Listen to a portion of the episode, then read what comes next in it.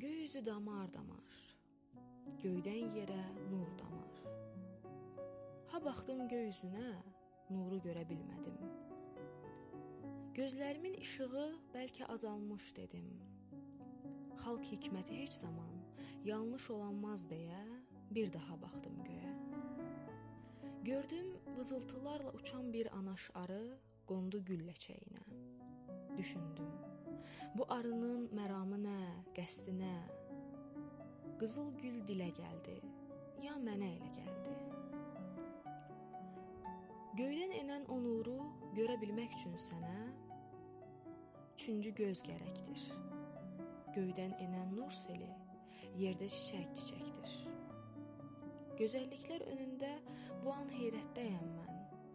Çıxmaq da mümkün deyil gördüyüm gözəlliyin sirli cazibəsindən. Gözəlliyə heyrətim başqa göz verdi mənə. Görmədiyim nuru da o göz göstərdi mənə. Anladım. Üçüncü göz mənim könül gözümdür. O göz ilə baxanda gecə də gündüzümdür.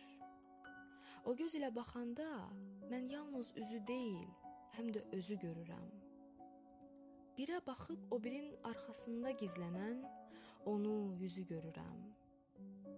O göz ilə baxanda daşda da, torpaqda da, otda da, yarpaqda da, düzəndə də, dağda da, qarada da, ağda da mən özəyi görürəm. Bu günə baxmaq ilə gələcəyi görürəm. O göz ilə baxanda bir gizli sir görürəm. Hələ misralanmamış nəğmə, şeir görürəm.